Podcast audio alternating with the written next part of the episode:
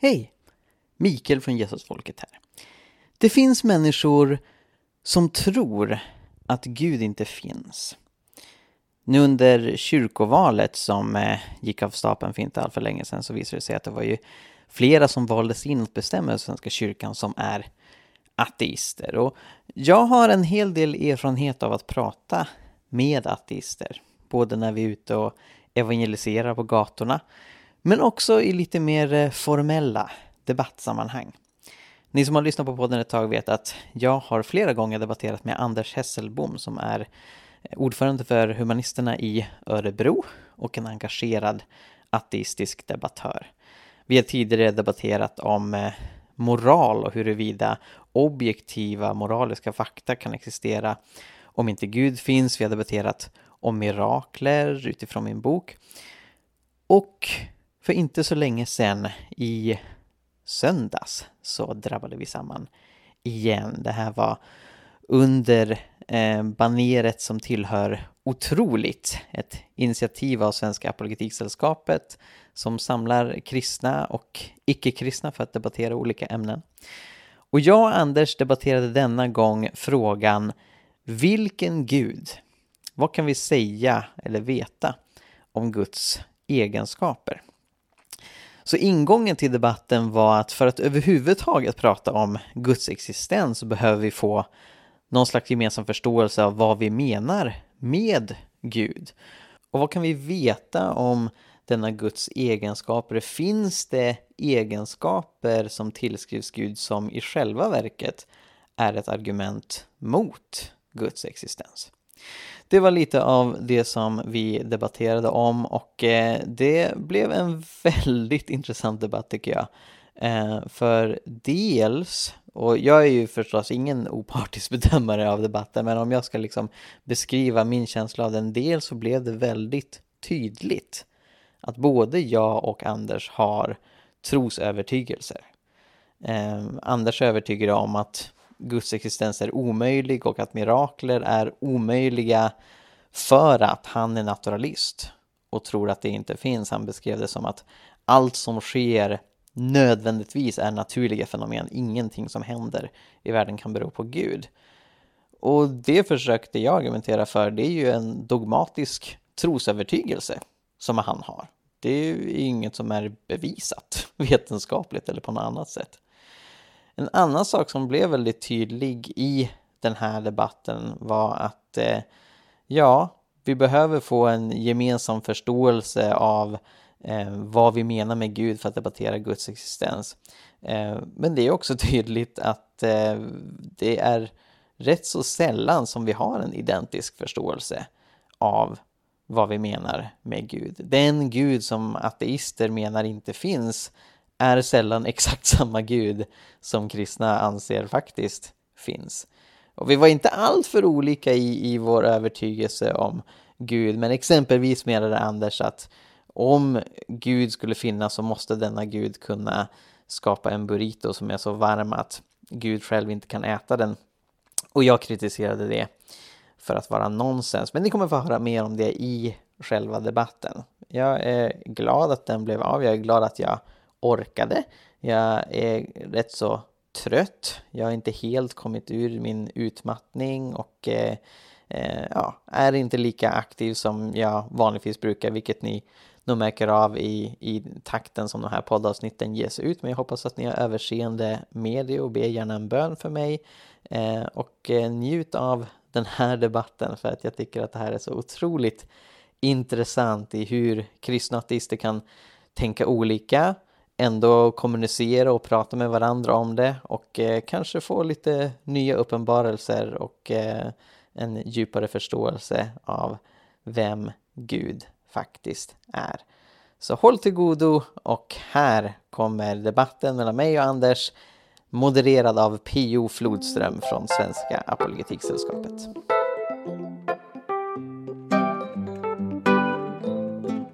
Ska ni vara varmt välkomna till ett nytt avsnitt av Otroligt. Och eh, ikväll så kör vi på eh, en gammal klassiker nämligen en av våra favorithumanister, Anders Hesselbom från Örebro, som kommer att träffa vår egen inhouse-apologet Mikael Grenholm, Svenska Politiksällskapets husapologet skulle man kunna kalla det för. Ifall vi hade varit en kulturförening hade man kunnat tänka på honom kanske som en blandning då mellan hovnar och trubadur. Eller hur skulle du själv säga Mikael? Hur är det att vara Absolut. husapologet?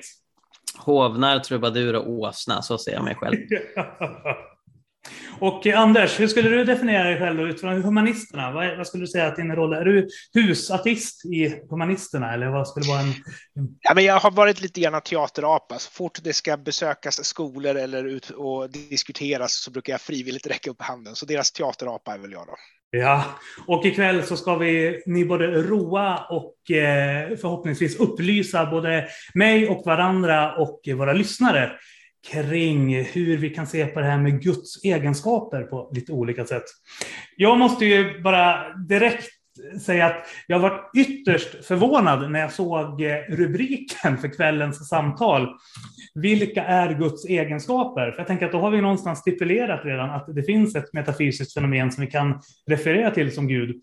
Men jag tänkte Mikael, du eh, är ju på hemmaplan, så egentligen så borde Anders få börja, men vi gör inte så, utan vi låter dig börja, eftersom vi faktiskt vet att du tror att det finns en Gud som har egenskaper så håller Anders sin inledning sen och sen ett litet fritt samtal mellan er.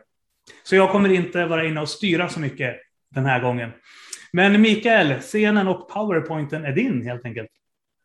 Ja, men tack så jättemycket. Då ska vi se här om jag kan dela skärmen igen. Eh, det verkar gå bra sådär.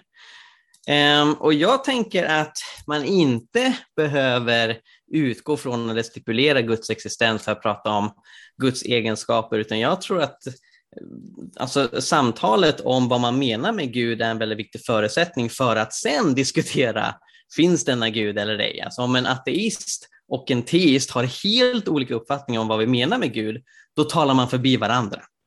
Och det jag tänkte fokusera på i mitt lilla inledningsanförande, det är att peka på hur några ganska vanliga gudsargument säger något om Guds egenskaper. Så i argumentationen för Guds existens så framkommer också vissa egenskaper i hur den guden är.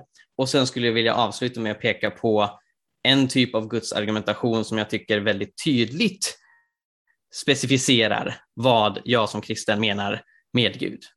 För inom teologi så brukar man skilja mellan generell uppenbarelse och särskild uppenbarelse, där den generella uppenbarelsen är dess uppenbar för alla, medan den särskilda uppenbarelsen är när Gud talar och kommunicerar om sig själv och sina planer på ett mer specifikt sätt.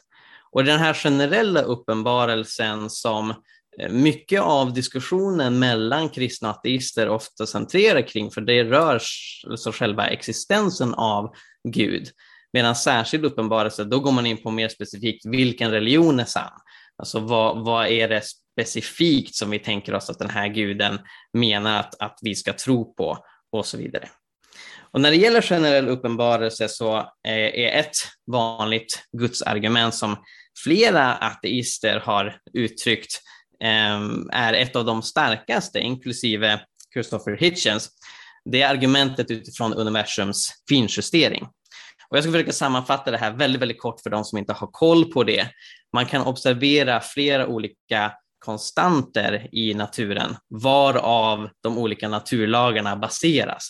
Så till skillnad från variabler som kan förändra sig så finns det vissa värden i naturen som inte förändra sig, som bara är där och som på något sätt är en del av universums fundament. Ett av mina favoritexempel på detta är den kosmologiska konstanten som är en slags antigravitation. Alltså det är en kraft som gör att kroppar dras ifrån varandra snarare än sugs emot varandra. Och det här är en ytterst svag kraft. Så uttryckt i plankenheter så menar man, eller har man uppmätt att det krävs omkring 120 nollor för att definiera det här. Det är ett extremt litet tal. Men i avsaknad av denna kosmologiska konstant så hade i princip alla himlakroppar i universum sugit ihop till en gigantisk eldboll på grund av gravitationen. Och om den här kosmologiska konstanten hade varit starkare så hade vi istället haft ett scenario där alla stjärnor och planeter springer ifrån varandra.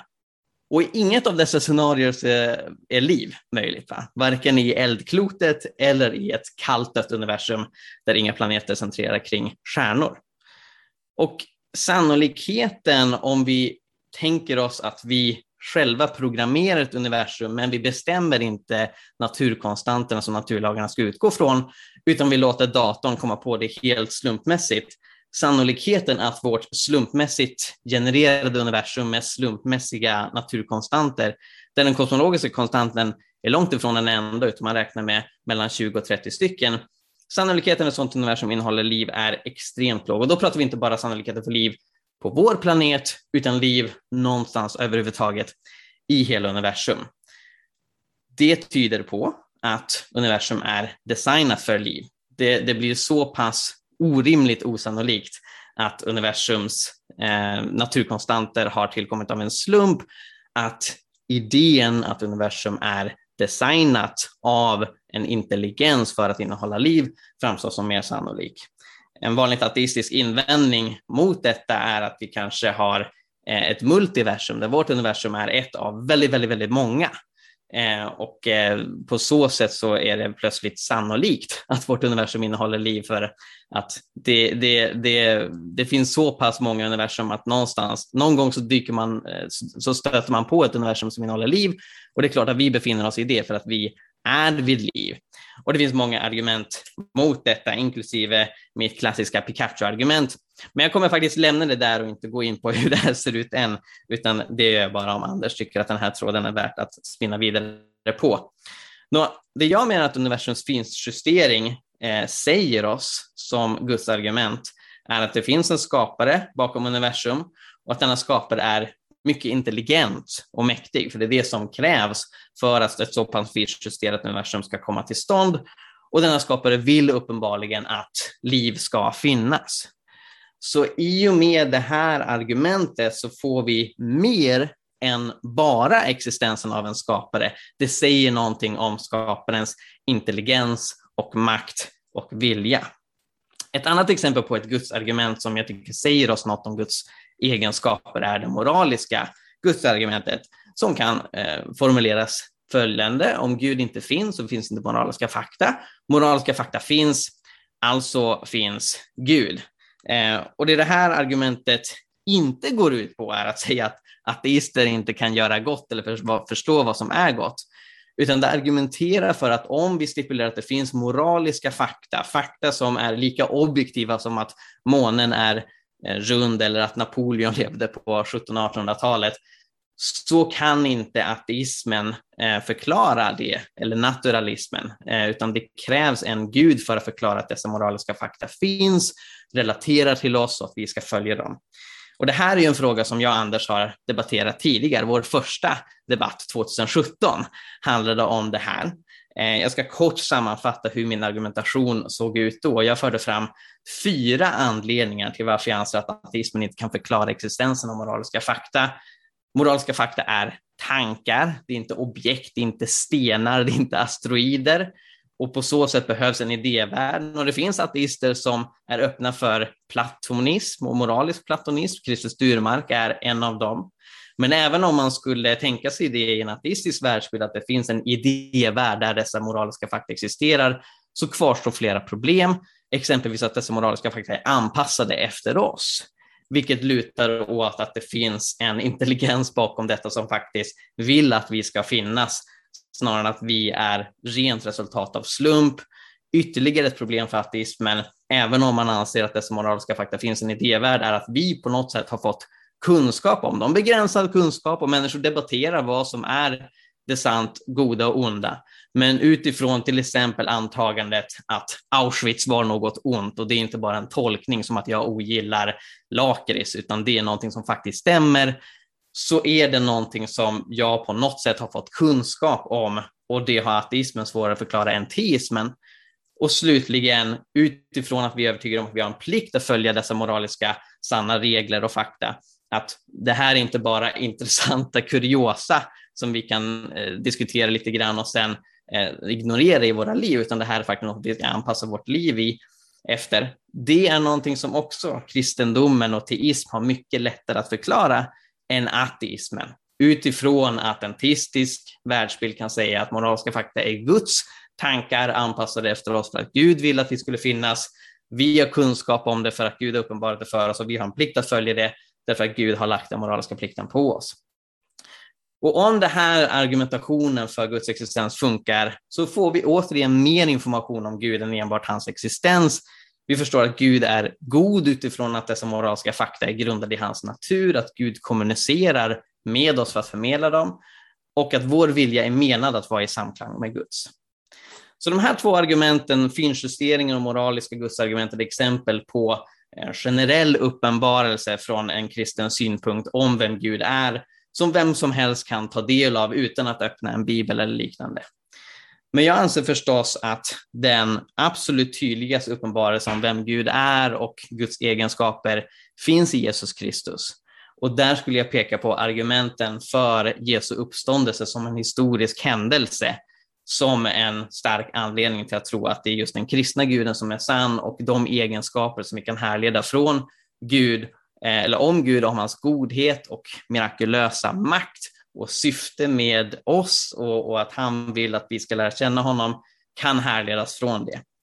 När jag inser att min tid börjar tryta, men för att väldigt kort sammanfatta hur den här argumentationen ser ut, så finns det fyra fakta som de allra flesta historiker om Nya Testamentet eller eh, den tidiga kyrkan håller med om.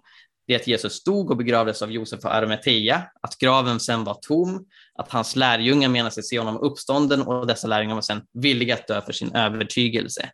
Vissa teorier som försöker förklara detta eh, har svårigheter med flera av dessa fakta, exempelvis idén att Jesus inte dog, som både en hel del muslimer, men också några ateister har föreslagit. Jesus överlevde korset.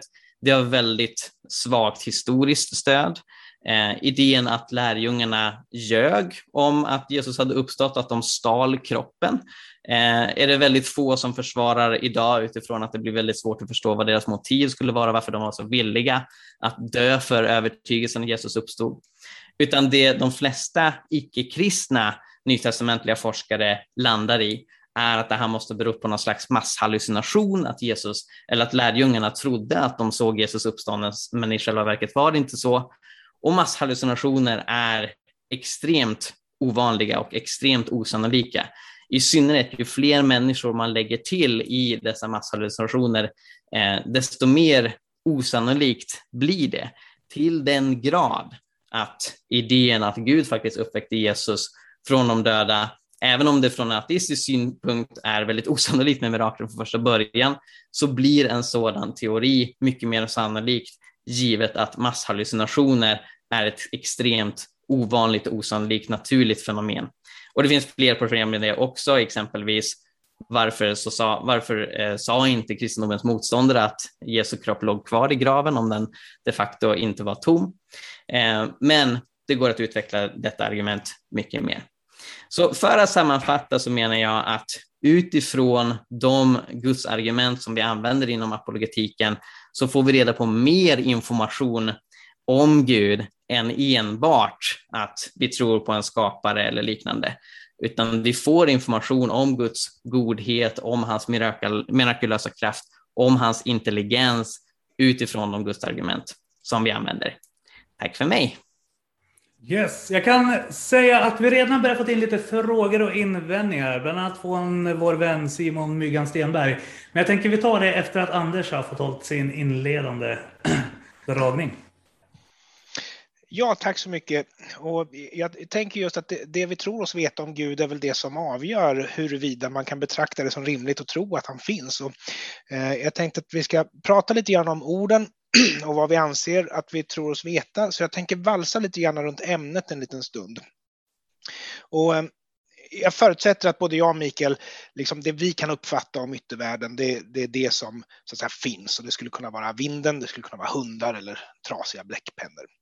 Sånt som Mikael och jag inte kan uppfatta, anser jag ändå finnas om det är så att man på något sätt kan beskriva eh, hur man skulle kunna uppfatta det. Till exempel att man kan eh, skapa ett experiment eller att man kan på något annat sätt beskriva det. Och ett sånt, någonting som jag förmodar att både Mikael och jag tror på fast vi aldrig har fått erfara det är väl atomer, främmande planeter, supernover, whatever. Sen så finns det sånt som ingen människa kan uppfatta, men som jag ändå kan tycka att det är rimligt att man tror att det finns. Om det är så att någon kan beskriva fenomenet på ett sånt sätt så att det faktiskt är rimligt att tänka att det finns en plats för det här. Och det skulle kunna vara strängar inom strängteori. Fram till nyligen så hade vi också Higgs-partikeln, men nu har ju den visat sig finnas då eftersom man har testat det. Men nu rör vi oss till de domäner där det finns sånt som ingen människa kan uppfatta och sånt som det saknas rimliga skäl att tro på. Och det är sånt som jag tycker man kan börja med att avfärda som icke-existerande. Åtminstone väntan till, på att ny information ska bli tillgänglig. Och där har vi ju de här med Russells tekanna, det vill säga tekannan som kretsar kring solen någonstans mellan jorden och Mars. Ehm, det är ganska tryggt för mig att hävda att den inte finns. Eh, för det första så är det en ganska oviktig fråga, för det andra så skulle ny information liksom dyka upp där så det är ganska konsekvensfritt för mig att tänka okej, okay, den fanns väl. Och jag menar, vi lever ju faktiskt i en värld där det finns en Tesla som cirkulerar på just den omloppsbanan där tekannan ska finnas. Men där har ju anledning att tro det eftersom det påstås ju att den har skjutits upp där. Men sen har vi då sånt som varken kan uppfattas eller beskrivas eller produceras argument för. Och det är sånt som jag bestämt hävdar att det verkligen inte finns. Och, och helt enkelt för att det kanske inte kan finnas rent av. Och sånt anser jag då vara demoner, änglar, gudar, spöken, enhörningar. Och eh, som en, som en extra bonus så är jag beredd att hävda då att det är omöjligt att sånt kan finnas.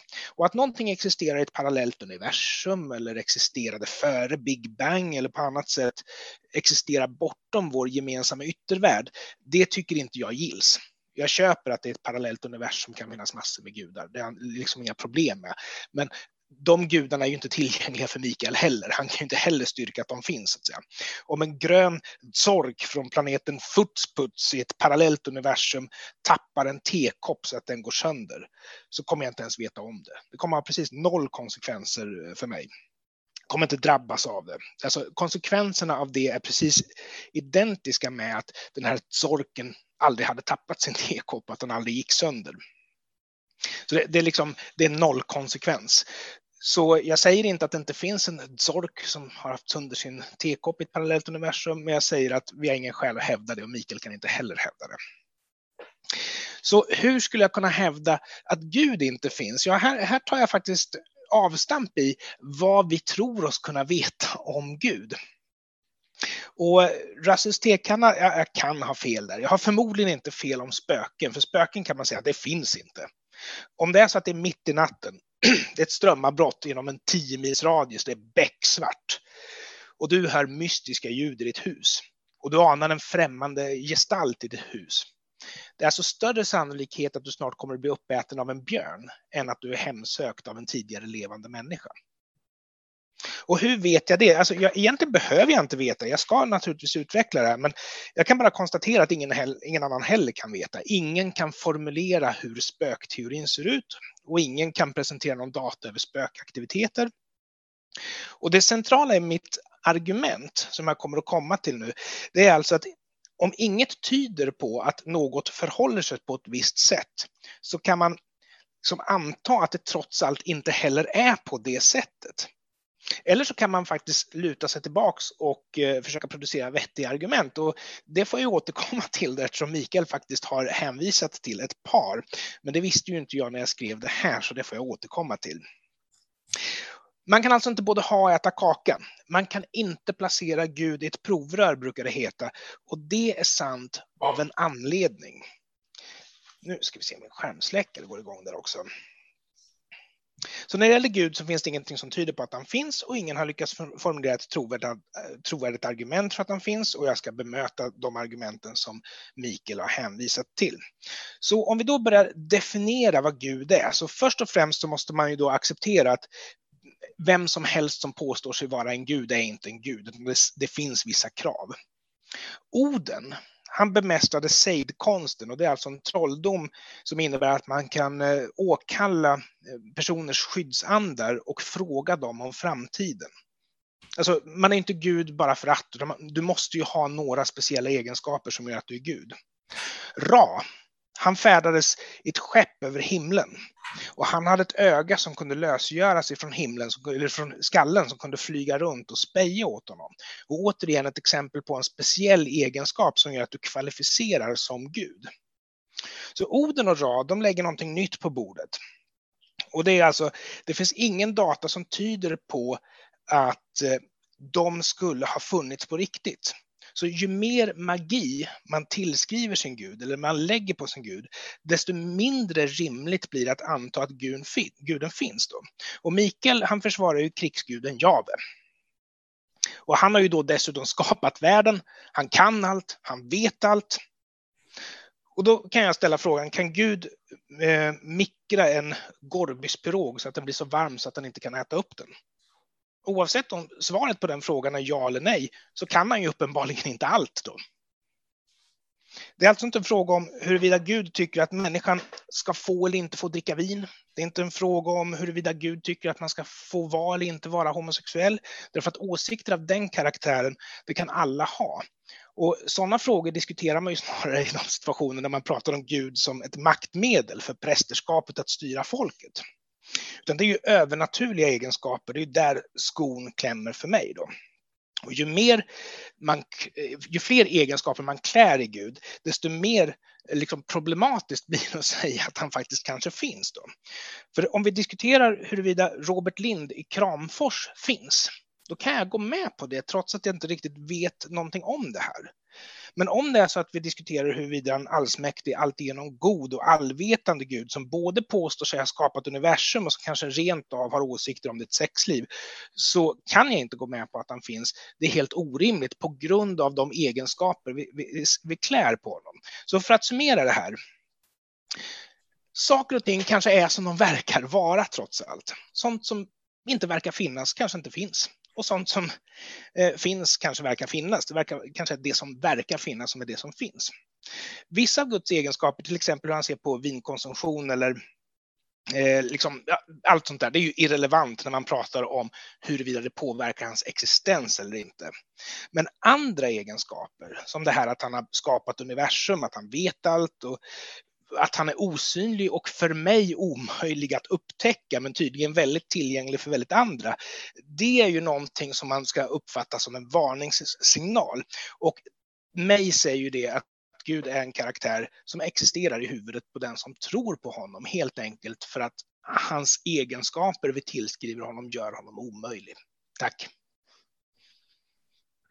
Yes. Vill Mikael komma in direkt eller ska jag läsa upp lite av det som händer i kommentatorsfältet? Det är mest invändningar mot Mikael. Hittills har Anders mest medrop. Så jag tänkte vi kanske ska samla ihop det så får du ta det Mikael. Det beror på att jag har snällast fans, vet du. Det är därför. Mikael, du har stängt av din mick. Du hörs inte. Du måste sätta på micken. Nej, men det jag säger är att jag skulle jättegärna koppla an till Anders, det Anders sa nu och, och, så kanske vi kan spara kommentarerna till lite senare. För att jag gissar att kommentarerna är lite här och där. Men då går jag men, med på det om jag, jag får svara dig sen då. Absolut, absolut. Och jag är främst här i första steget intresserad av lite förtydliganden. Eh, så du argumenterar för att Guds existens är omöjlig, givet att vi med Gud menar en allsmäktig, allvetande, allgod varelse. Är det korrekt uppfattat? Absolut, ja. Ja. Jag tyckte också att du sa att du menar att änglar och spöken är omöjliga. Ja, alltså många har ju försökt att formulera en hypotes som skulle förklara alltså är det en själ som går igen och eh, spökar för oss. Men det är ju ingen som har lyckats göra det än och det säger mig att kanske det är så att tanken från början är fel. Det finns inte spöken. Skulle det vara så att spöken, att vi sätter det ordet på växtligheten jag har utanför mitt fönster, då har vi ju en, en, hypotes om vad ett spöke är som faktiskt är fullkomligt rimlig att följa upp. Men det vi säger nu, ja det är någonting med själar och hemsökning, ingen har lyckats ens formulera hypotesen, så det är, det är någonting som inte kan finnas korrekt. Alltså, det här jag inte riktigt hänger med. För att det framstår för mig ganska uppenbart att bara för att man inte kan ge en fullständig redogörelse för existensen av någonting så betyder inte det att det är omöjligt. Exempelvis, jag förstod att du var vi, på väg där. Vi, ja. vi, kan inte ge en fullständig redogörelse för hur våra hjärnor fungerar. Vi kan inte ge en fullständig redogörelse för hur liv uppstod på planeten jorden. Det betyder inte att det är omöjligt att våra hjärnor existerar eller att Korrekt. liv är planeten på planeten jorden. Så Ja. Korrekt. Men däremot så kan det ju vara så att de delar av hypotesen som man har är internt självmotsägande. Då måste det vara fel på hypotesen. Vi har en, en, ganska normal beskrivning av just Jave som den mest allsmäktiga och mest subtila och mest allsomfattande guden, där vi har stoppat in er, eh, egenskaper som själva internt strider mot varandra ja, då har vi uppenbarligen alltså gjort fel. Då får vi backa. Kan det vara så att känslan av att eh, Gud ser dig kan vara vi vet ju om att du har kemikalier i hjärnan som reagerar. Kan det vara det vi tittar på istället? Vi kanske ska flytta blicken från att det faktiskt finns en gud till att försöka förklara de fenomen vi tillskriver Gud med en annan hypotes som är bättre. Fast innan vi gör det, Anders, jag tycker inte att du har redogjort för varför det skulle finnas internt självmotsägande påståenden om vare sig Gud, men framförallt inte änglar. Jag hänger inte med på din logik. Där. Vad, vad är det som gör att änglars existens är omöjlig, anser du? Eh, vi behöver inte blanda in det, vi kan stanna vid Gud. Eh, för jag har för mig att du har svarat på frågan till mig förr om Gud kan göra en, en eh, fyrkantig cirkel till exempel. Kan han det? Eh, nej, så jag anser att konceptet fyrkantig cirkel är nonsens som ett resultat av felaktig, felaktig språkanvändning. Kan han mikra en gorbys så att det blir så varmt så att den inte kan äta upp den? Nej, för det är också nonsens. Det är som att fråga, kan Gud göra blöjs? Är han då alltigenom god och allsmäktig och allvetande? allvetande? Alltså, ursäkta, det är ju samma nonsens. Det är bara det att nu lägger vi det på ett mer filosofiskt plan. Det, det går ju inte heller ihop. Men det är väl kanske ja, det alltså, att det är lite svårare att, att lägga pusslet. Det är därför vi accepterar självmotsägelsen när det blir liksom lite större skala. Ja, fast med koncept, alltså det, det, du gör nu, och det är det ganska många andra som också gjort det misstaget, det är att ta ordet allsmäktig på svenska mm. och tänka att det måste innebära att, att Gud kan göra logiska motsägelser och i så fall så, så blir det bisarrt. Medan då, det hebreiska ordet för allsmäktighet handlar inte om logiska motsägelser. Utan det, hebre, det, det hebreerna uttrycker är att Gud är mäktig över vårt förstånd, men det är inte en filosofisk kommentar om piroger. Fast vi behöver inte kunna förstå allting rent intuitivt och det var som du själv sa när du tog upp finjusteringsargumentet att det är väldigt intuitivt att säga att vi är skapade och att eh, universum är skapad för att, för att husera liv. Och jag menar, tittar vi på universum, då pratar du om siffror och decimaler så kan vi ju då vända på det och säga att universum är ju uppenbarligen inte designat för liv. Det är ju uppenbarligen jo, så att universum flesta... innehåller liv. Universum, ja, universum innehåller liv. innehåller liv, men universum ja. är ju uppenbarligen inte skapat för liv därför att den, i princip hela universum är ju helt sterilt.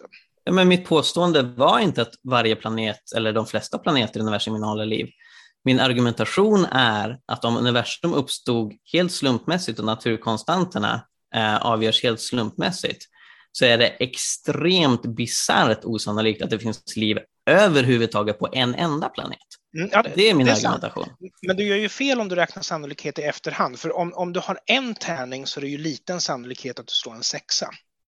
Men om du har hundratusen tärningar och slår dem så är det ju minimal sannolikhet att de siffror som faktiskt dök upp när du slog dem verkligen blev de som dök upp. Den är nästan obefintlig, men det sker varje gång. Ja, men Därför nu... Alltså en, en, som har rimligare... har ju inträffat till 100 procent. Jo, absolut. Men en rimligare analogi, Anders, är att om jag befinner mig i en latinamerikansk diktatur och blir tillfångatagen för att protestera mot regimen, jag ställs mot en vägg hundra soldater skjuter på mig samtidigt och efter skotten avfyras så öppnar jag ögonen, jag är vid liv. Alla hundra skotten har missat.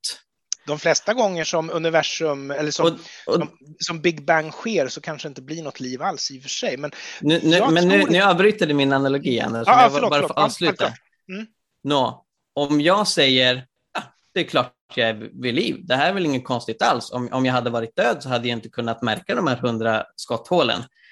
Men det är ett konstigt resonemang, för den stora frågan är ju inte om jag är vid liv eller ej. Den stora frågan är, mm. vad är mest sannolikt? Att alla hundra skyttar missade eller att det fanns en plan från deras general att de skulle missa för att till exempel skrämma mig. Och Det är det som är poängen här, att naturligtvis så är vi vid liv.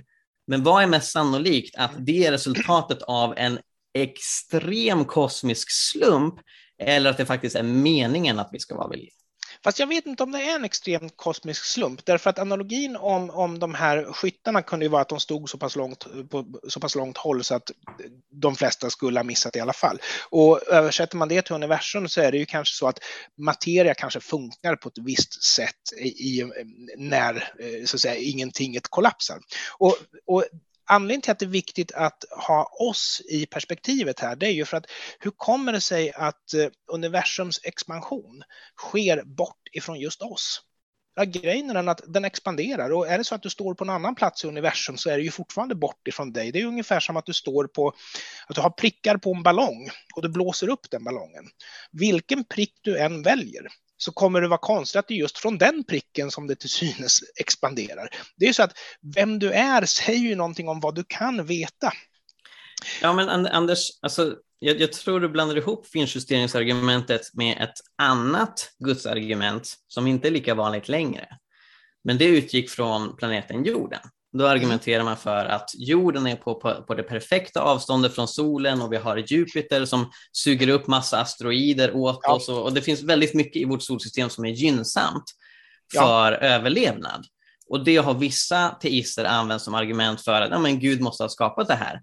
Men en bra ateistisk invändning mot det och anledningen till att jag inte använder det gudsargumentet är nej men om det hade varit en annan planet som hade haft de här eh, förhållandena, Mm. Då hade vi haft den här konversationen där istället. Nu har vi bara studerat Men... ett solsystem så vi vet ju inte hur vanligt liv är i universum. Vi kan ju räkna Visst. på det på samma sätt som du kan räkna på, på konstanterna.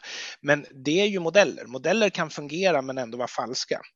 Eh, sen så skulle jag vilja säga att eh, alltså, det moraliska argumentet, det, det, det tänker jag inte ens gå in på. Men, debatterat det tidigare.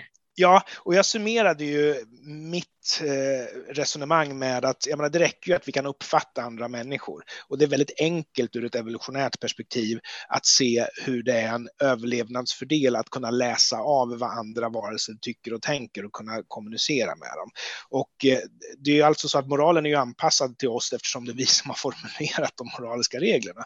Och jag, jag har en god vän som är har övertygat mig efter debatten du och jag hade om att moral är per definition subjektiv. Och det, det är faktiskt en ganska intressant eh, fråga. Eh, sen vill jag också säga att Jesus, alltså det här var ju ett tag sedan och det här var före eh, liksom modern journalistik. Alltså att att berättelser förvanskas över århundraden är inget konstigt, speciellt inte när man har en religiös agenda. Det snarare det snarare liksom bidrar till det här. Att Jesus dog på korset, det må vara sant trots att han inte har uppstått, trots att graven aldrig öppnades, trots att graven aldrig fann, fanns tom. Att Jesus överhuvudtaget fanns tycker jag kan ligga kristendomen lite grann i fatet, därför att det har vi ju lärt oss ifrån islam. Att eh, Muhammed är så pass samtida med oss så att det fanns bra dokumentation. Så att i det fallet vet vi om att det är en bedragare. Det enda som räddar Jesus är ju att han, hans liv dokumenterades ju överhuvudtaget inte. Det finns ju inte en enda skriven rad om Jesus. Utan det här är ju... Vänta, vänta, vad pratar ni om? Inte en skriven rad om Jesus? Nej, den första var väl Paulus och det var väl 30 år senare efter att, efter att Jesus redan var död. Så det, det, finns ju liksom inga samtida dokument. Och om det är så att Jesus fanns på riktigt, då måste vi förhålla oss till det lilla nyckelordet där, riktigt. Ja, då hade han ju rimligtvis inte uppstått, för finns man på riktigt så är man ju oftast inte magisk. Det är ju nästan ingen som finns på riktigt. Så det hade nästan varit bättre för religionen kristendomen om det var så att Jesus var en mytologisk figur. Och vi, vi, som sagt, vi har ju lärt oss det här genom att ha studerat islam, eftersom islam är en betydligt yngre religion. Så menar du att du ifrågasätter Jesus existens? Nej. Alltså historisk existens? Nej, Men, jag, men jag säger att den har, berättelsen om Jesus har haft både goda skäl och många chanser till att så, kryddas över åren. Så du, du, du, du, är enig med... Jag ifrågasätter att han är en, att han är en magisk jude. Jag det, det, det vet jag. Men du är enig om att det är ett historiskt faktum att han dog på korset under Pontius Pilatus? Kring Nej, 30 efter Kristus. men jag accepterar de som vet bättre än mig och påstår att så är fallet. Därför att jag ja, är inte kompetent att avgöra det och således, och således inte ja. Eh, liksom, sitter i position och ifrågasätter det. Men om han fanns, då är vi tillbaka till ordet finns. Då måste vi ha en rimlig definition. Hans attribut måste ju också vara sånt som också finns. Man generellt sett föds inte av en jungfru. Man generellt sett återuppstår inte från de döda. Man generellt sett gör mm. inte vin till vatten och så vidare. Och det här ligger ju honom inte till last om man är en mytologisk figur. Men vill man hävda att han verkligen har funnits på riktigt, då helt plötsligt börjar ju det som påstås om honom ligga honom i last. Precis som jag argumenterade att de självmotsägande egenskaperna du tillskriver Gud, säger mig att din Gud inte finns på riktigt. Så Men... kommer de övernaturliga egenskaper du tillskriver Jesus säga att okej, okay, historien om Jesus har förvanskats genom åren, därför att mycket kan inte vara sant utav det som sägs. Men du menar väl inte att det mirakulösa är per definition omöjligt? Du menar att det finns en liten sannolikhet att övernaturliga saker kan hända? Eller? Per definition så, så är de, har de hänt så är de ju per definition inte övernaturliga därför att då borde de ju rimligtvis Oj. ha en, en eh, förklaring, en inomvärldslig förklaring och de har ju uppenbarligen skett inomvärldsligt då.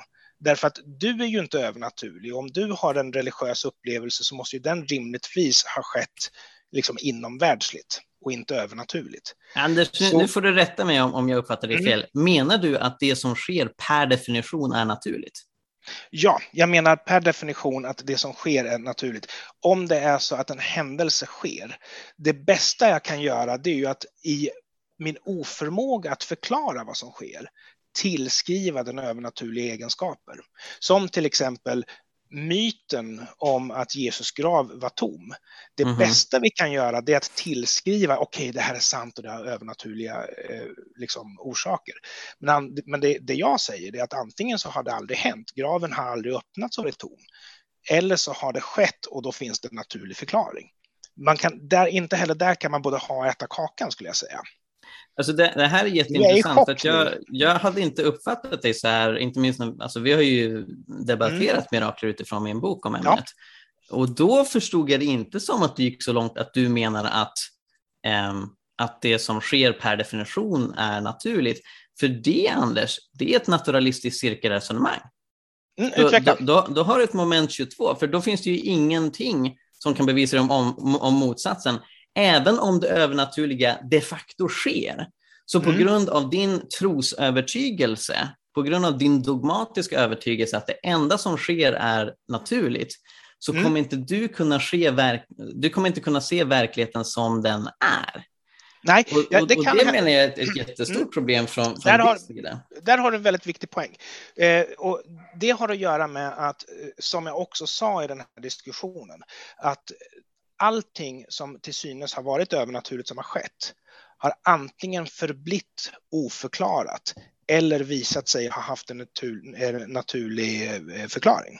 Och det leder precis till den lilla bieffekten som du nu påpekar. Ja men Anders, om du får bevis för någonting övernaturligt, kommer du verkligen kunna hantera det? Nej, det måste vara väldigt starkt. Och jag har sagt det här till dig förr, att skulle molnen glida isär och Gud komma ner från himlen och säga hej, jag är Gud och jag finns, då skulle jag tvivla på mitt förstånd. Och det är ett problem. Så det bästa du kan göra för att övertyga mig om att det finns övernaturliga väsen och att det finns övernaturliga händelser, det är inte att visa upp dem för mig, utan det är att formulera ett skarpt argument. För det enda som kan få mig att ändra uppfattning här, det är ett argument i din favör. En, mm. en, eh, en, demonstration skulle snarare få mig att tro att jag hallucinerar. Därför att du har väldigt svårt, och det gäller ju dig också, att du har väldigt svårt att ta till dig av sånt som strider mot annat som du tror dig veta. Men om du kan for, formulera ett, ett solitt argument så kan ju det ta fäste i annat som du, tror, mm. som du tror dig veta. Och då kan du, då kan du liksom ta upp, ja, Gud finns för att X och då kan jag liksom i mitt huvud säga okej, okay, ja men det stämmer och så, så ja men Gud finns. Så, så, så du kan om, inte visa mig Gud. Om jag förstår dig rätt och du har ju sagt innan vi satte igång programmet att du kallar dig naturalist. Ja, så utifrån, utifrån din naturalism så menar du att det enda som sker är naturligt. Ja. Du är medveten om att du kan ha fel. Och du ja, behöver ja, bra argument för att bli övertygad om att du har fel. Och då byter du uppfattning så att du plötsligt mm. anser att det är möjligt att det övernaturliga sker. Men just nu så, så framstår eh, det övernaturliga som omöjligt för dig. och då korrekt. blir det fullt rimligt varför du säger att det är omöjligt att Gud finns utifrån hans egenskaper. För några av hans egenskaper innefattar övernaturliga element. Och för ja. att du anser att övernaturligt är omöjligt så, så går inte det. Men inget av det berör min argumentation överhuvudtaget. I synnerhet inte om man går in och lyssnar på den här debatten som vi har nu med en agnostisk synpunkt där man inte menar att det är omöjligt för det övernaturliga att ske, utan där man är öppen för kanske naturalismen är sann, mm. kanske supernaturalismen är sann, jag vet inte. Och, och, då blir de här argumenten som jag har fört fram väldigt intressanta tycker jag. Men Mikael, du kan ju inte förklara för mig hur det kommer sig att det fenomenet du visar eh, mig faktiskt inte sker i våran värld utan sker i en övernaturlig värld eller har övernaturliga. Du kan, du kan ju inte visa det. Och det har ju visat sig i alla andra fall att det antingen har varit oförklarligt eller naturligt. Så det du behöver göra där, det är att formulera ett Men argument. Anders, alltså, det här är återigen hur, hur jag tycker att dina naturalistiska glasögon begränsar ja, ja, dig att, att, att, se eh, världen på, på, ett, på ett mer neutralt sätt. Därför att mm. naturligtvis är det så att om mm. det sker övernaturliga saker i vår värld, säg till exempel att Gud uppväcker Jesus från döden, Naturligtvis är det så att det kommer vara naturligt oförklarligt. Ja, men jag så, så, att, att, att, att, när du för fram, liksom, antingen hittar vi en naturlig förklaring eller så är det oförklarligt. Det du menar då är att det är naturligt oförklarligt. Och självklart är genuina övernaturliga händelser naturligt oförklarliga per definition. Jag strävar, jag strävar inte det är efter objektivitet. Jag strävar efter att ha en så korrekt förståelse av, av, världen som möjligt. Och jag har ju själv en bakgrund som religiös och jag vet ju också det här att oj, vad var det där? Det var säkert ett spöke det har liksom aldrig hittills varit rätt. Oj, vad var det där? Det var säkert Gud jag har alltid haft fel. Och därför så säger jag att bara för att jag inte kan förklara någonting så ska jag inte, och det var precis det du tog upp i början som jag tyckte du gjorde väldigt bra, att specifika liksom eh, tillskrivelser till en specifik gud blir ju bara ännu mer absurd. Därför att om det är så att det kanske finns 100-200 gudar någonstans i universum som eh, lite sporadiskt konkurrerar om vem som påstår sig ha skapat oss, som konkurrerar om att kanske styra oss och bestämma över oss. Det är ju inget som säger att det är just krigsguden Jave från Mellanöstern som är en utav dem. Liksom. Det blir bara ännu mer absurt. Men min poäng var ju inte att det blir ännu mer absurt, Anders. Utan Nej, min, det, min. Min, det, det må vara din poäng. Men min poäng är att dels så finns det de här generella gudsargumenten som inte bara kristna utan även muslimer och judar använder sig av som säger något om Guds karaktär. Ja. Sen så det partikulära eller specifika gudsargument jag fört fram är Jesu uppståndelse som leder till att det finns en kristen Gud. Men det jag försöker förtydliga är att till exempel det jag inte försvarar i min presentation eller någon, någonstans annat är till exempel en uppfattning av att Guds allsmäktighet ska förstås som att han kan skapa en burrito som är för varm och håller en eller, eller liknande. Nej, men om vi, om vi, stannar kvar vid Jesus så, så kan jag bara kon mm. konstatera det att det, det, var ju som jag sa, jag, jag, försökte förklara det här med att du kan inte visa, du, du, du måste ha goda argument. Mm. Jesus är ju bara ytterligare någonting du lägger på bordet därför att du har ju inte liksom vattentätt fått mig övertygad om att Jesus verkligen dog på korset, vilket jag förvisso accepterar. Att han uppstod på tredje dagen vilket jag definitivt inte accepterar, utan jag börjar ju, mm. mitt naturalistiska jag börjar ju då genast fundera på, vänta här, finns det någon som kunde tjäna på att påstå att han uppstod på den tredje dagen? Finns det någonting som, liksom någonting annat som hände, att han faktiskt öppnade en tom, en tom grav? Liksom? Jag börjar tänka där, och där mm. har du ingenting att lägga på bordet, utan du tar ju det 100% ja, på tro. Nej, men jag har väldigt mycket att lägga där på bordet, Anders. Om, om vi tar den första eh, frågan som du lyfter hade någon att vinna på att säga att Jesus uppstod. Tror du att det inkluderar någon av lärjungarna som sen blev torterade och dödade för den bekännelsen? Men även om du lyckas eh, vederlägga de två argumenten som jag presenterade här, mm. så, har du ju inte, så har du ju inte producerat ett positivt argument för magi. Så det du ska göra är ju inte egentligen att bemöta mina argument, utan det du ska göra är att ja, men det här är ju beviset på att det var en övernaturlig händelse, för då faller ju alla mina argument per automatik. Då behöver du ju inte skjuta på dem, utan angrip den centrala punkten.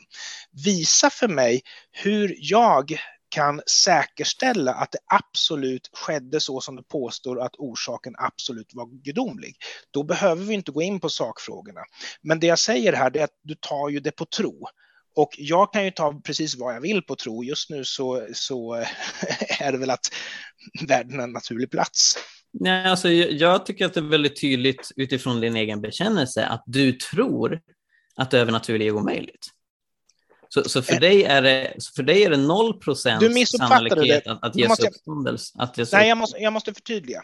Mm -hmm. jag säger att jag inte accepterar påståenden om, om eh, övernaturligt ursprung eller övernaturlig orsak.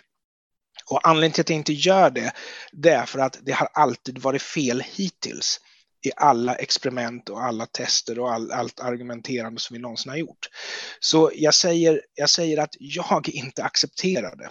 Men däremot så måste jag också säga att det första goda argumentet för mig att tro att okej, okay, det som hem, smyger omkring i mitt hus är inte en björn och det är inte en inbrottstjuv, det, det, det är ett spöke. Det första goda argumentet skulle få mig att ompröva och det första beviset skulle få mig att acceptera. Men dit vill vi ju inte gå. Utan det övernaturliga är ju mystiskt. Nej, alltså jag menar att det inte är så mystiskt. Det här knyter ju an till diskussionen som vi haft tidigare om miraklers existens. Alltså du, du säger att, att övernaturliga eh, erfarenheter ständigt visar sig ha naturliga förklaringar och det stämmer eller inte. Eller inga förklaringar som vi kan producera. Eh, de har inga naturliga förklaringar. Men påståendet att de är övernaturliga förklaringar har i vissa fall stått solida i, i hundratals år. Jag tänker till exempel på mm. Jacqueline Duffin, hennes mm. bok Medical Miracles, när han undersöker um, hon, under, hon undersöker tillfrisknanden som har skett ja, i samband det räcker att du med, påstår, med, med Vatikanens för, för publiken kan inte gå till källorna i alla fall just nu. Men, men då, då kan jag säga igen att det, anledningen till att det inte håller ihop, det är ju att det, det beror på vad du förankrar saker och ting i. Det här har ingen förklaring ja, men om vi konstruerar en, en övernaturlig förklaring som tar spjärn i ja, gudomligt ingripande, då har du ju tagit spjärn i någonting som i sin tur inte har någon förankring.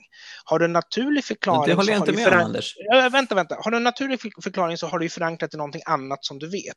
Om du har ingen förklaring, då har du en förklaring som antingen inte går ihop eller, eller så har du bara inte en förklaring. Har du en övernaturlig förklaring, då kommer du ju i någon, något led, även om det är tredje eller fjärde steget, säga ja men det bygger på att man måste tro på Gud. Ja, ja, så det är en kulturellt, vad som är sant beror på alltså var jag är född och, och hur jag är uppfostrad. Det påverkar alltså vad jag ska anta vara sant. Alltså. Nej, alltså nu, nu tror jag att du har det om, om bakfoten. Mm. Det som har skett historiskt är ju att människor sedan hundratusentals år har trott att det finns något gudomligt. Ja, ja, kunskapen, är vidskeplig. Kun, Långt innan vi var om, fullt om, utvecklade människor så var vi vidskepliga. Ja, och, och, kunskapen om detta gudomliga har utvecklats med åren. Naturalismen slår ju igenom först på 1800-talet. Ja, gud ja. Det, den kräver ju... Det, det, det, det, är precis, det är precis tvärtom. Mm. Va? Att, det, ja. att det, in, det är inte så att eh, helt plötsligt en vacker dag så dyker det upp någon som säger att det här kan bero på något övernaturligt. Låt oss säga att det är Gud, låt oss säga att det beror det här. Utan vi har en tusenårig tradition Mm. av människor som menar sig ha erfarit Gud på otroligt dramatiska sätt. Ja, gud, och ja, sen, att sen så kommer naturalisterna Ja. långt senare och, och kastar allt över bord och säger det finns det Ja. inga bevis för. Därför att, med- därför att som med- du säger så, vi är ju, vi, vi- är ju förmodligen skapade för allt vi, vi kan liksom, för alla slutsatser vi kan dra när vi ser oss, eh, tittar omkring oss. Jag jag menar, titta på universums finjustering. Vi, det är övernaturliga skäl bakom att vi är här. Men det som har hänt under de senaste, framförallt 150 åren, det är att vi har kunnat systematisera våra tankar. Vi har kunnat dokumentera, vi har kunnat testa och vi har kunnat jämföra. Och det är ju först den moderna vetenskapen som har liksom knuffat undan väldigt många övernaturliga förklaringar. Så du har ju helt rätt i att människan är vidskeplig. Och det finns ju evolutionära förklaringar till varför vi är vidskeplig. Därför att en falsk positiv, alltså det prasslar i gräset, alltså flyr du, men det var visst ingen tiger. En falsk positiv sorteras ju inte bort av evolutionen. Men en falsk negativ, det, oj, det prasslar i gräset, det är nog ingen tiger. Den sorteras ju bort ur evolutionen ganska så omgående. Liksom. Så det, men, men det är ju modern vetenskap som har fått oss att kunna systematisera våra tankar.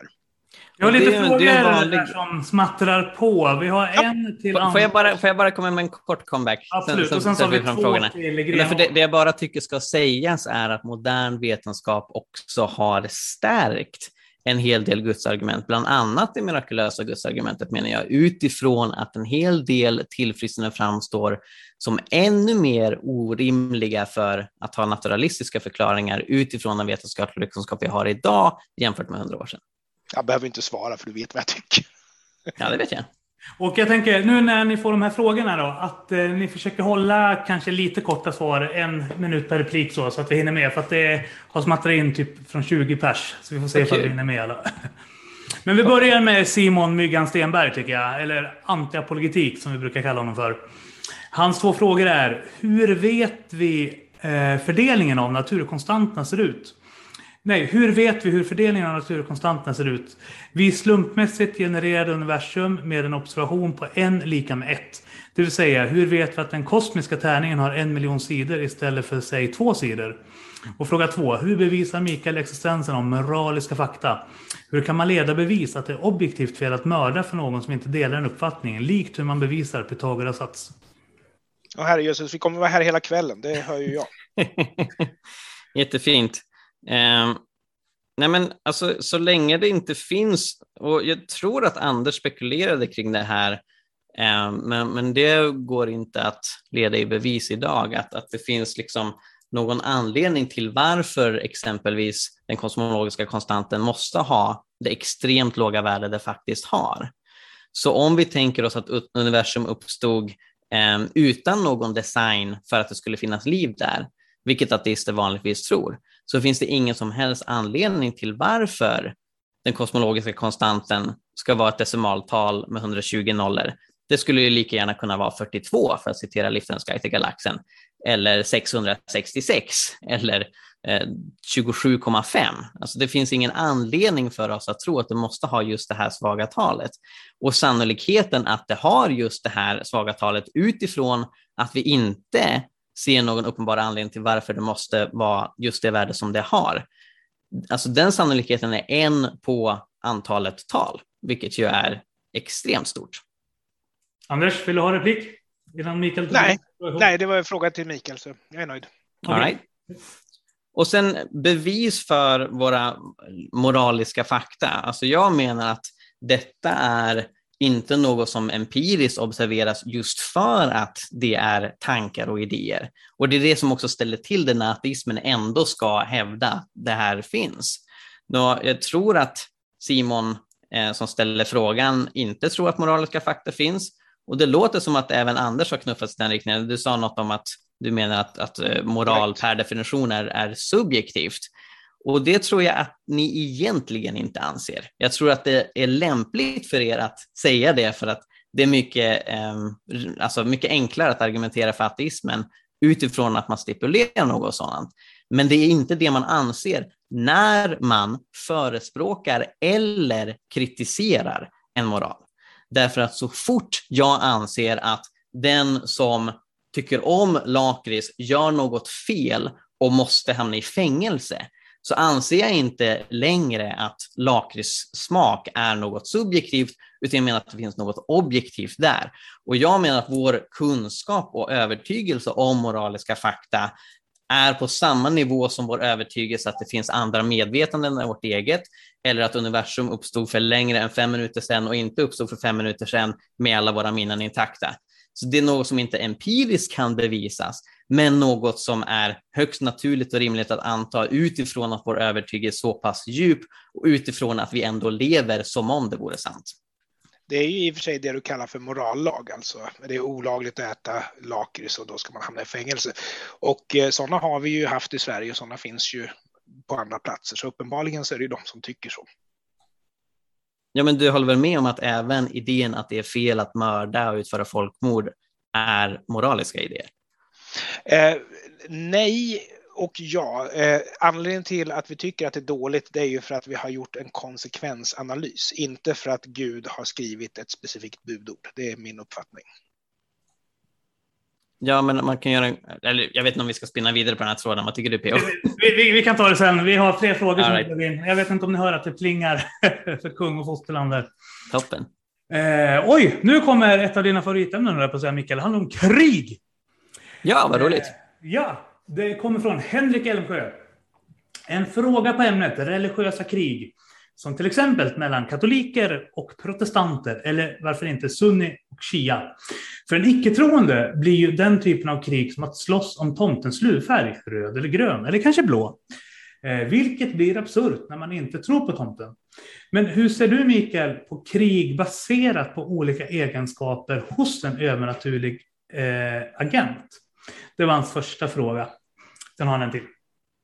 I likhet med de flesta tidiga kristna kyrkofäder som Tertullianus och Justinus martyren och de andra så är jag pacifist och uppfattar Jesu ord om att älska våra fiender och vända andra kinden till som att vi inte ska föra krig.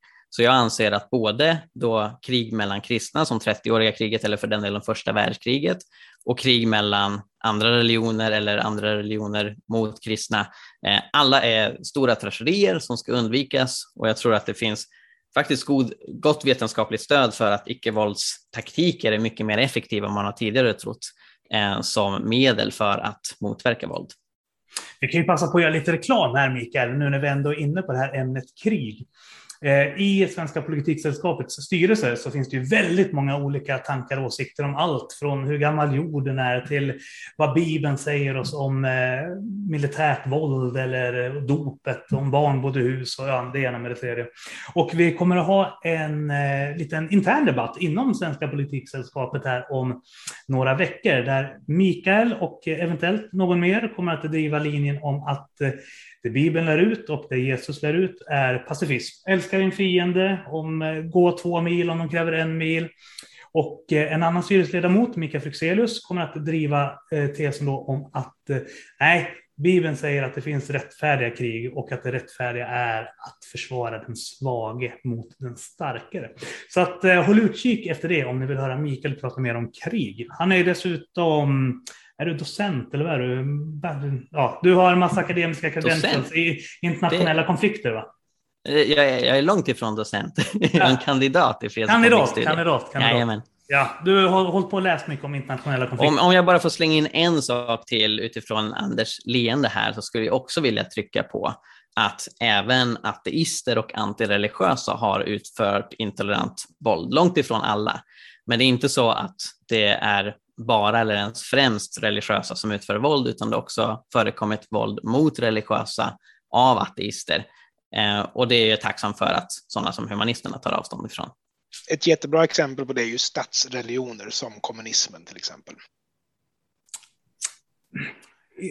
Jag tar inte den där provokationen, Anders. Vi tar den någon annan gång. eh, det finns en till fråga. Det har alltid funnits berättelser och myter i alla civilisationer med berättelser om egenskaper. Torsvagn, Valhall, flygande hästar inom islam, talande ormar inom kristendomen med mera.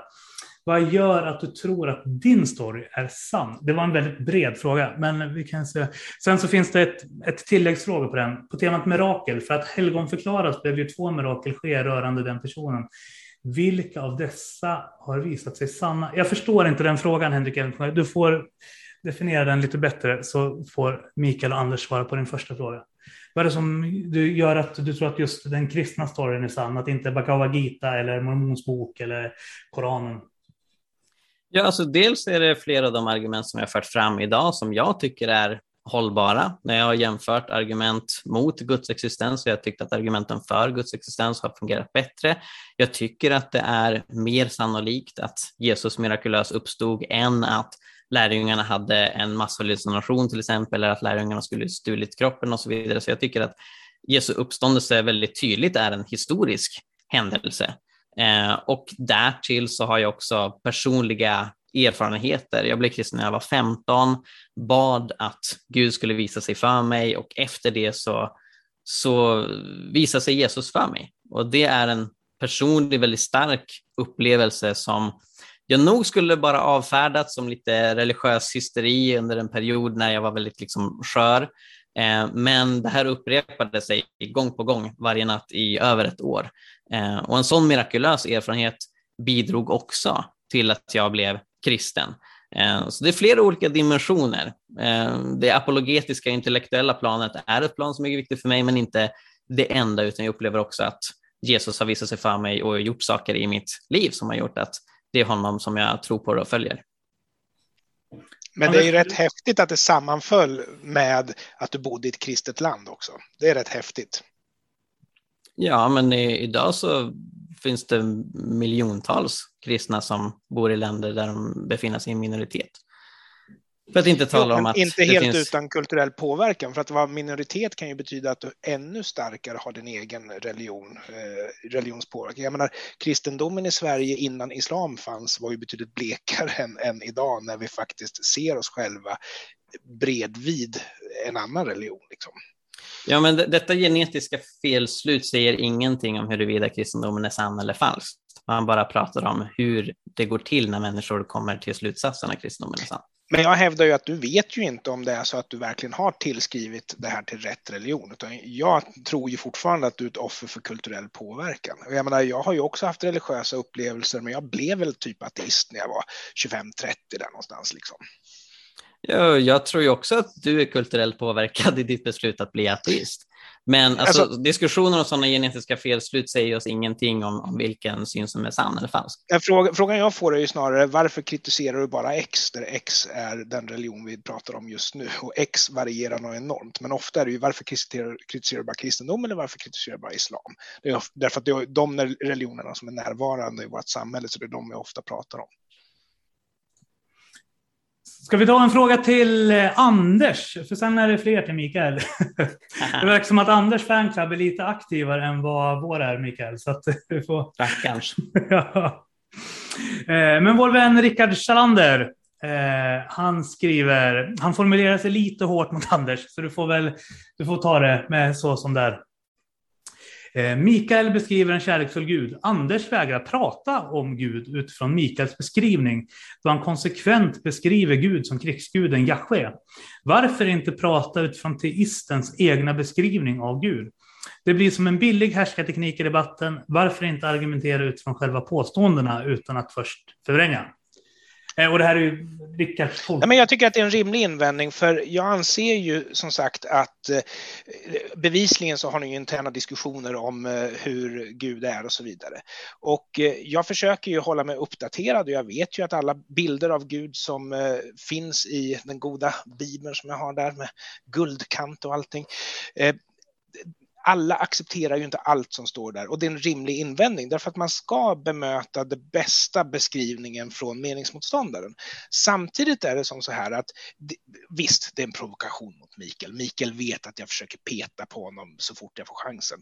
Men samtidigt är det ju som så här att jag har ju också en gudsbild för det första. För det andra så är det ju så att Guds liksom, önskan om allsmäktighet förändrar ju inte det faktum att han också är allsmäktig, så det spelar mindre roll i det här fallet. Men däremot så kan jag, kan jag bara säga att jag uppskattar frågan och den var relevant. Mikael, vill du ha lite replik? Ja, nej, men jag, jag, tycker också att det är en, en, relevant fråga. Och som sagt, jag är ju van vid eh, hur, hur Anders diskuterar och, och debatterar, att han slänger in eh, sådana här saker. Eh, för att eh, alltså det, det, som jag tycker att publiken ska vara uppmärksam på är den typ av argument som jag använder för att karaktärisera Gud och hur Anders relaterar till dem för att där pratar vi lite olika. Jag har till exempel inte, alltså jag nämnde inte ordet allsmäktig i mitt inledningsanförande. Jag pratade om att Gud är väldigt mäktig. Eh, men ändå så är det mycket om det här allsmäktighet och hur vi ska förstå det filosofiskt som diskussionen har hamnat i. Men det är inte riktigt där jag har satt ribban, utan Anders har satt ribban där. Du får väl prata med någon som aldrig har varit kristen då? Ja, visst, visst kan jag göra det. Jag har ju en gudsbild jag med. Jag Ja, vet absolut. ju vad jag inte tror på så att säga. Mm. Yes. Nästa fråga, då är det Henrik Elmsjö som är tillbaka eh, och har förtydligat vad han menade med sin första. Det han frågar alltså, det finns helgon, alltså finns det gott om accepterade mirakel. Har dessa granskats och visat sig sanna? Ja, alltså inom katolska kyrkan så har man sedan 1500-talet använt sig av en ganska rigorös process när man ska helgonförklara människor och i anslutning till det säga att ett mirakel har skett. Och den processen har vanligtvis sett ut så att man har tagit in läkare och experter för att kunna bedöma om ett tillfrisknande som det vanligtvis rör sig om har naturliga orsaker eller ej och när de inte hittar naturliga orsaker och kyrkans eh, män kan se att det är via en person som har levt ett gott och heligt liv, då säger de att här har skett ett mirakel. Det som har börjat ske under 1900-talet är att även flera pingstkarismatiska och protestantiska sammanhang har använt sig av liknande metoder. Så det finns en forskare i Eh, USA som heter Candy Gunther Brown vid Indiana University som har gjort studier som har publicerats i medicinska tidskrifter eh, som via det här sättet granskar människor som blir friska efter bön och når slutsatsen att utifrån vår nuvarande vetenskapliga kunskap så ser vi inga naturliga förklaringar till detta. Och det är förstås rimliga skäl till att tro att det faktiskt har skett mirakler. För som jag sa tidigare, naturligtvis om det, det de facto sker något övernaturligt i vår värld så kommer det framstå som naturligt oförklarligt och vi kommer inte hitta en naturlig förklaring till det. Och att man har hittat naturliga förklaringar till fenomen som förr ansågs vara övernaturliga är inte tillräckligt skäl för att stipulera att alla händelser som vi idag saknar naturliga förklaringar till i själva verket har naturliga förklaringar. Det är egentligen en ganska orimlig slutsats menar jag som, som bygger mer på en naturalistisk tro än att man drar en vetenskapligt korrekt slutsats. Ja, det jag skulle vilja att man gjorde här, det är ju så att allting som sker inom det naturliga som vi inte förstår kommer vi liksom inte hitta någon naturlig förklaring för. Jag tycker man ska börja med att när ett tillfrisknande sker, att man letar efter en övernaturlig förklaring och säkerställer vad det är för övernaturlig händelse som har skett. Och kan man inte säkerställa det, då kan man anta att det är en naturlig förklaring. Ja, vi förstår inte det här, men vi har ju kontakt med andarna, så det måste vara en naturlig förklaring. För den naturliga världen förstod man ju inte på den tiden. Men förstår ju den inte idag, även om man förstår den bättre idag. Så jag tycker man skulle börja där. Kan man inte säkerställa övernaturlighet, då kan man anta naturlighet, anser jag. Där kan vi väl passa på att göra lite mer reklam, Mikael, för att du har ju diskuterat det här utifrån din bok Dokumenterade mirakel med Anders eh, kompis, kollega, kompanjon Christer Sturemark. Jag vet inte vad man ska... Men också företrädare för humanisterna. Eh, Precis. Vi, vi gjorde samtal som, som du modererade, Pio, och sen inte så långt ifrån det så hade jag även ett, en debatt med Anders eh, i Örebro om mm. mirakler. Så det finns ja, två debatter som man, som man kan lyssna på med mig om eh, miraklers existens. Och om jag inte minns helt fel så har du och Simon Myggan Stenberg också diskuterat detta eh, här i den här kanalen, otroligt, för ungefär ett år sedan. Ja, visst var, jag har glömt om det var mirakler specifikt eller något som gjorde att vi kom in på mirakler. Um, men absolut, vi har också pratat inom otroligt och, och kom in på mirakler. Jag minns bara inte vad titeln är, jag kan kolla upp det lite snabbt. Men du kan gå vidare till nästa fråga. På tal om Simon Myggan Stenberg så har det inkommit ytterligare en fråga från honom. Där han skriver att Mikael nämnde att många ateister anser att finjusteringsargumentet är det bästa, eller åtminstone minst dåliga argumentet. Vilket argument mot Gud anser Mikael vara det minst dåliga? Intressant fråga. Det tyckte jag var bra Simon. Det där kanske var felaktigt formulerat. Det argument mot Gud som är minst dåligt. Ja, ah, just det, minst ja. dåligt. Det är samma sak som bra. Ja. jag var tvungen att Dubbel, tänka dubbla till. Dubbla negatationer. Det blir ja, exakt, exakt. Det är inte, inte, inte roligt. Men intressant eh, fråga. Mm. Ja, nej, men precis.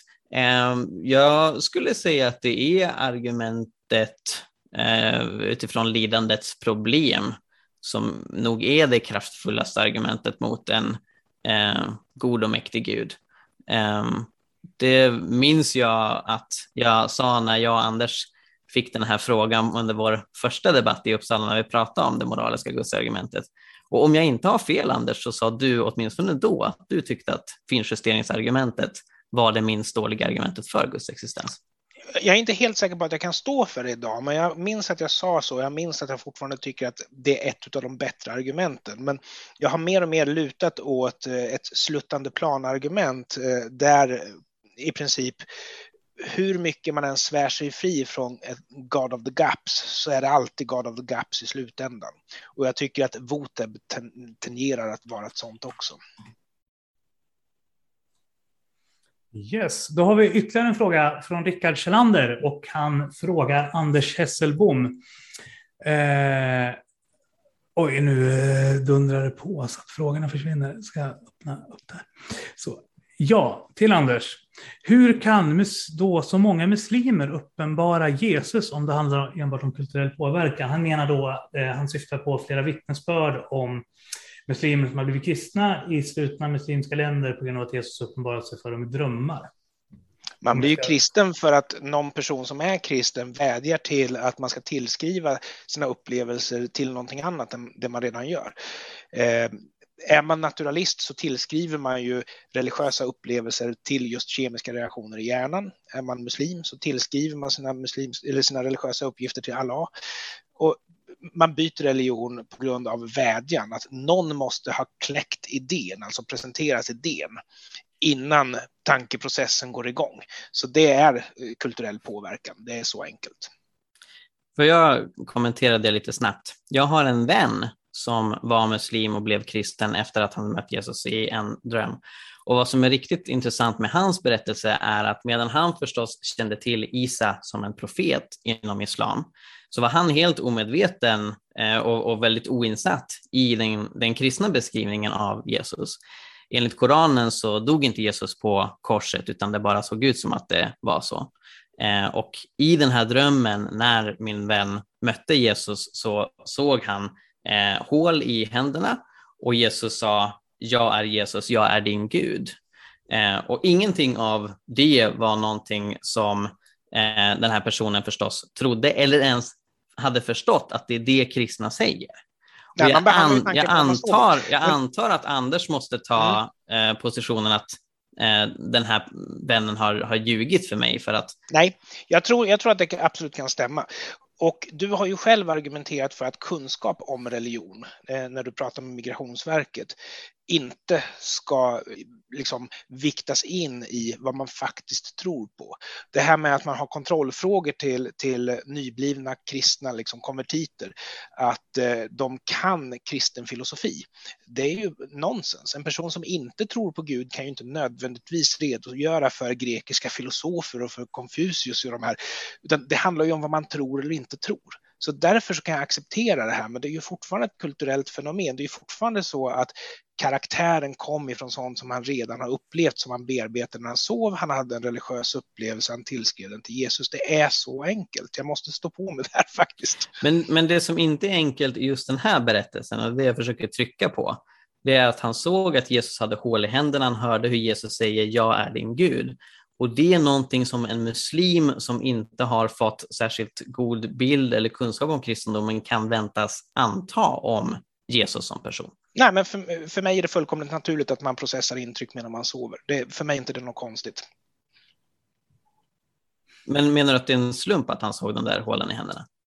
Nej, alltså intrycket måste ha kommit. Att det finns något som heter intuition och det är kunskap du har som du inte kan definiera varifrån den kommer intuition finns. Du kan alltså, det finns alltså rimliga möjligheter för dig i en komplex värld att veta någonting utan att du vet varför du vet det. Det, det är inte heller någonting konstigt. Nej, jag, jag, ser inte att det här pusslet har svårt att gå ihop alls. Okej. Okay. Vi fick en fråga från Johannes. Den kan rikta sig till Anders. Lite osäker, förstod inte tydligt. Men han skriver att enligt Einstein så kan vi enbart mäta 2% av den synliga verkligheten och han undrar därför ifall inte en introduktion av övernaturliga hypoteser skulle gynna mindsetet kring hur vi bedriver vetenskap. Båda ja, men, det, det, men Anders kan börja. Ja, men det där är jätteintressant, för eh, det, det, betyder ju fortfarande inte att vi kan ha fel om allting vi tror oss veta. Det finns väldigt få unknown unknowns. Men däremot så finns det ju väldigt mycket att, upptäcka och jag säger ju det att även om jag liksom har stängt dörren till religiös vädjan så eh, goda skäl att tro på övernaturliga ting den dörren är ju fortfarande vidöppen. Men det finns vissa saker som är så pass grundläggande i hur universum fungerar så att vi kommer aldrig någonsin att ändra uppfattning. Människan har evolverat som enklare varelser, jorden är en planet som snurrar runt solen i universum och så. Och ute i universum så finns det väldigt, väldigt få unknown unknowns och det är för få för att det ska få plats en gud där. Alltså, men däremot så väldigt mycket vet vi ju inte, men vi vet ju om vad vi inte vet. Alltså, i, i, I den här diskussionen har ju Anders sagt att allt det som sker är naturligt, vilket förvånade mig att han sa. Eh, och även om du säger att du eh, har en öppen dörr för att du kan ha fel och på så sätt finns det en möjlighet för dig att tro på det övernaturliga i framtiden. Så sättet du beskriver det tycker jag låter väldigt mycket som eh, naturalistiska cirkelresonemanget. När du betraktar saker så utgår du från att det kan inte vara övernaturligt. Jag gör inte det. Jag har aldrig gjort det, vare sig när jag var ateist eller jag blev kristen. Jag har alltid haft både naturliga och övernaturliga som möjligheter. Och jag tror det är ett skäl till att jag, jag har känt mig ganska outmanad i den här debatten, Anders. Alltså jag, jag känner inte att dina argument riktigt eh, ja, men utmanar min position särskilt mycket för att någonstans tycker jag att du står lite och stampar i det här mm. Guds existens är omöjligt, för det, ja, det, det, är liksom min, min övertygelse. Och, och det, det liksom kommer inte riktigt i närheten av, av det jag argumenterar för. Nej, men alltså, det är en rimlig invändning och jag har ju läst alla Guds argument och jag tycker inte att de är fullt så starka som argument som används inom naturliga förklaringar. Till exempel hur fungerar evolution? Ja, läser du en bok om det så kommer du ha betydligt mera data, betydligt mera hard facts än hur vet vi att det här tillfrisknandet var av just Gud? Eh, och det var som du själv sa, att det, det är ju, du vill ju gärna liksom kolla, förstå förstår vi inte vad som har hänt, då antar vi att det kan vara övernaturligt. Du vill ju inte göra tvärtom själv, utan du tänker så här, eh, du skulle inte kunna tänka att kan vi verkligen säkerställa att det är just den här och den här guden eller just det här och det här helgonet som har gjort just det här och det här? Förstår vi verkligen den, den gudomliga processen bakom det här tillfriskandet? Och har vi några hål i den förståelsen, då antar vi en naturlig förklaring och går vidare. Så jobbar ju inte du. Och jag säger, och jag skulle snarare säga, jag vill inte anklaga dig för att vara liksom closed-minded när det gäller att ha ett övernaturligt option att dra till.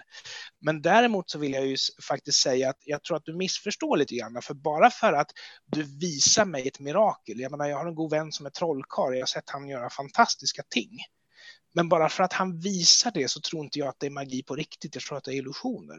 Och det är därför som jag säger att eftersom det man tror sig veta är det man förhåller sig till när man tar in ny kunskap så behöver vi ha väl förankrade argument. Hur kan jag testa att det var just den här specifika, ursäkta nu använder jag ordet igen eftersom jag har läst Bibeln, krigsguden Jave. Hur vet jag att det är just den guden och inte en annan gud? Hur vet jag att det inte bara är en missuppfattning av ett naturligt fenomen? Vi vet inte. Och vet vi inte så tycker jag gott väl att vi kan anta att det är som det brukar vara nämligen inom världsliga eh, liksom, fenomen som agerar. Fast om man pratar om argumentationen för Jesu uppståndelse så tror jag det är ganska orimligt att någon skulle argumentera för att det är en muslimska eller någon av de hinduiska gudarna som gjorde att Jesus uppstod. Ja, men samtidigt så vet vi ju inte. Det är ju om han uppstod från de döda är ju den relevanta frågan att svara på först. Vi har två frågor till som vi får ta lite snabbt innan vi ska börja avrunda. Eh, dels fick vi en fråga här från en kille som heter Markström. Det flashar på för snabbt så han inte ser vad han hette, som undrar hur Anders eh, skulle replikera på Kalams gudsargument. Eh, och sen har vi Rickard Kjellander som nog mer tog en replik där på Anders i kommentatorsfältet och skrev att han har tagit del av över tusen vittnesbörd från muslimer som då menar att de inte har varit i kontakt med kristna missionärer. Men det kanske blir eh, för en annan debatt i framtiden mellan dig och Rickard Kjellander snarare. Jag, jag, måste då be att få det kosmologiska argumentet uppläst av Mikael så att det blir korrekt eh, representerat här då. Allt som, har, allt som existerar har skapat... Eller du tar ah, det, Mikael. Ah, Okej, okay, okay, ja, men, ja, men tack så mycket. Eh, om inte Mikael vill svara. Eh, jag kan eh, slänga upp en eh, variant här, ett mm. ögonblick. Eh, jag kan i och för sig svara. För det, det kan vara till hjälp tiden, för så, publiken också. Det. Om jag har fel så revidera det. Men jag skulle säga att allting som börjar existera har en naturlig orsak. Universum började existera, alltså har universum en naturlig orsak. Nej, men jag tycker, att det, jag tycker att det är att hårdra det lite grann. Jag skulle inte säga att det är ett av mina starkaste argument. Och av samma anledning så tycker jag inte att om man skruvar om det till att försvara en, en gud så tycker jag att det är svagt av den anledningen också. Och man ska komma ihåg när det gäller logiska argument att de innehåller väldigt lite data. Alltså du kan ju sitta, alltså det som kallas för armstolsfilosofi, du kan sitta tillbaka och tänka fina tankar som går ihop. Men har du aldrig någon gång lyft på häcken och kollat efter hur det egentligen ligger till så kan du ha fel i alla fall. Och det tycker jag visar att, att allting som börjar existera har en, har, har en naturlig... Nej, jag, jag tycker inte det håller bara. Är det första eller andra premissen som det är störst problem med? Eh, alltså, som jag sa, att ett argument följer betyder inte någonting. Därför att jag kan i teorin konstruera en värld där ingenting finns på riktigt, som har fullt av konsekventa konsekvensa, jag är fullt med konsekvens, liksom, som verkligen håller. Men det här är ingen data. Eh, och jag, jag menar, en, en orsak betyder ju inte nödvändigtvis Gud. Och precis på samma sätt som när jag kryddade till argumentet och sa att därför har universum en naturlig orsak. Det betyder, alltså, orsak betyder ju inte nödvändigtvis naturlig orsak. Okej, okay. alltså nu har vi lite för kort tid att eh, debattera Kalam-argumentet känner jag.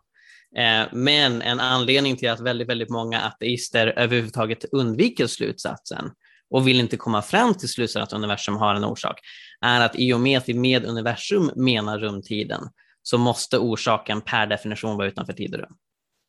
Inte per definition, därför att då, då vill jag ju säga att det finns ju en vetenskapligt, även om Big Bang är en religiös eh, idé från början, så har ju terminologin använts, förts över i den naturliga förklaringsmodellen. Och den naturlig, naturliga förklaringsmodellen säger ju att ingenting är ett labilt tillstånd som kan kollapsa och som uppenbarligen har kollapsat. Så till, så, orsaken behöver inte vara utomvärldslig, utan ingenting kan vara ett labilt tillstånd och är förmodligen det också, för allt vi vet. Fast det fysiska ingenting är inte samma sak som eh, det filosofiska ingenting, vilket är frånvaron av allting och någonting. Ja, och eftersom ni pastorer är experter på ingenting så borde ni ju veta. Ja, tack för den. jag kunde inte hålla mig. Den är inte ens jag som har skrivit den, det är Lawrence Krauss. Så det är han som har hittat på det skämtet. Eh, en, en kort eh, grej då från Henrik Elmsjö. Han, jag kan svara på den frågan åt Mikael. Eh, finns fortfarande Gud om alla uppfattningar om Gud, det vill säga alla mänskliga hjärnor skulle försvinna? Ja, det är en klassisk kristen uppfattning att Gud existerar även oavsett ifall vi skulle finnas och tro på honom. Ja, absolut. Yes. Men Låt oss avrunda mina vänner. Nu har vi kommit fram till min eh, favoritdel, den så kallade kärleksroasten, där jag skulle vilja höra vad ni uppskattar mest hos den andra under dagens samtal. Vilka argument tyckte ni var skarpast? Vilka invändningar tyckte ni var smartast? Och var det någonting den andra sa som fick er att eh, börja revidera någon av de grundantaganden som ni gick in med i samtalet. Jag kan bara börja med att kärleksrosta båda. Som vanligt så eh, tycker jag det är en fantastiskt härlig dynamik mellan Anders och Mikael.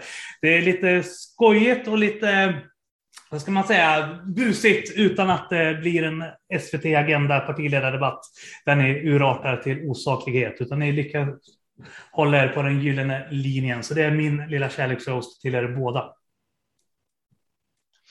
Alltså jag måste ju säga som alltid så är det ju så att anledningen till att jag, eller anledningarna till att jag så gärna pratar med Mikael Grenholm är två.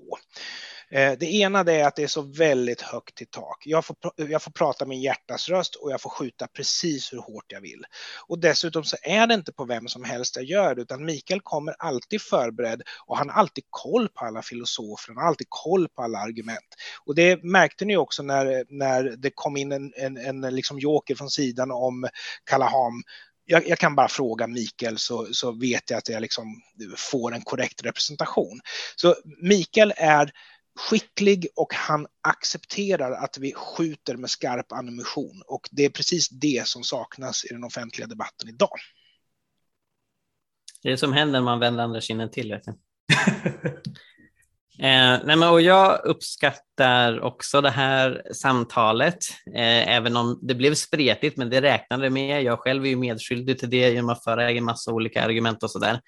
Eh, och det är också lite kul för att eh, det har gjort att den här diskussionen har blivit lite livligare än, än flera av de som vi haft tidigare. Eh, det jag verkligen uppskattar med Anders är att han vid flera tillfällen ikväll har kunnat säga att ja, det där var en bra invändning och, och sen förstås kommentera den och, och, förklara varför han inte riktigt köper den. Men, men det är en inställning som jag verkligen eh, uppskattar. Eh, och sen alltså när det gäller eh, alltså den, den typ av argumentation som eh, är bäst i, i den mening att den, den ger mig en del att fundera på och, och det är inte ett nytt argument utan jag har hört den tidigare från bland annat Anders.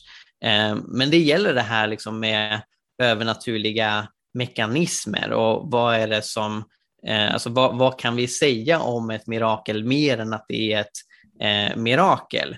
Eh, och jag tycker inte att det är något som ödelägger mirakeltro, eller det är ju egentligen meningen inte ett argument för naturalism, utan mer en nyfiken fråga på hur man tänker som supernaturalist. Eh, men det är en väldigt intressant, ett intressant perspektiv eh, som jag kommer fundera mer på framöver. Härligt! Och med det så vill jag bara tacka er för den här fantastiska kvällen. Som sagt, väldigt intressant att lyssna till er båda och eh, jag kan känna att det här kanske är del två i en trilogi, så som vi skojade om lite grann på Facebook tidigare.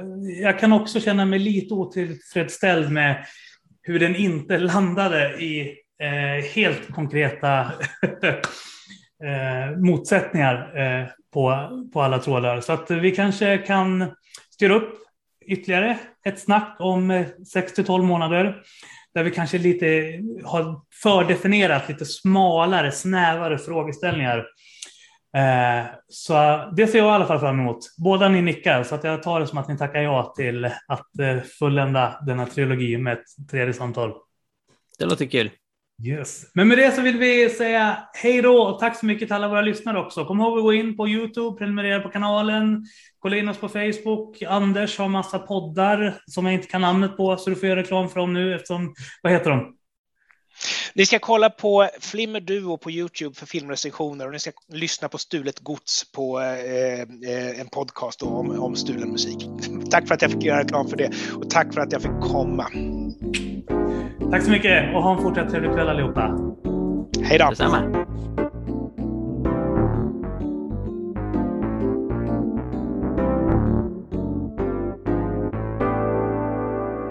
Tack så mycket för att du lyssnade på Jesusfolket.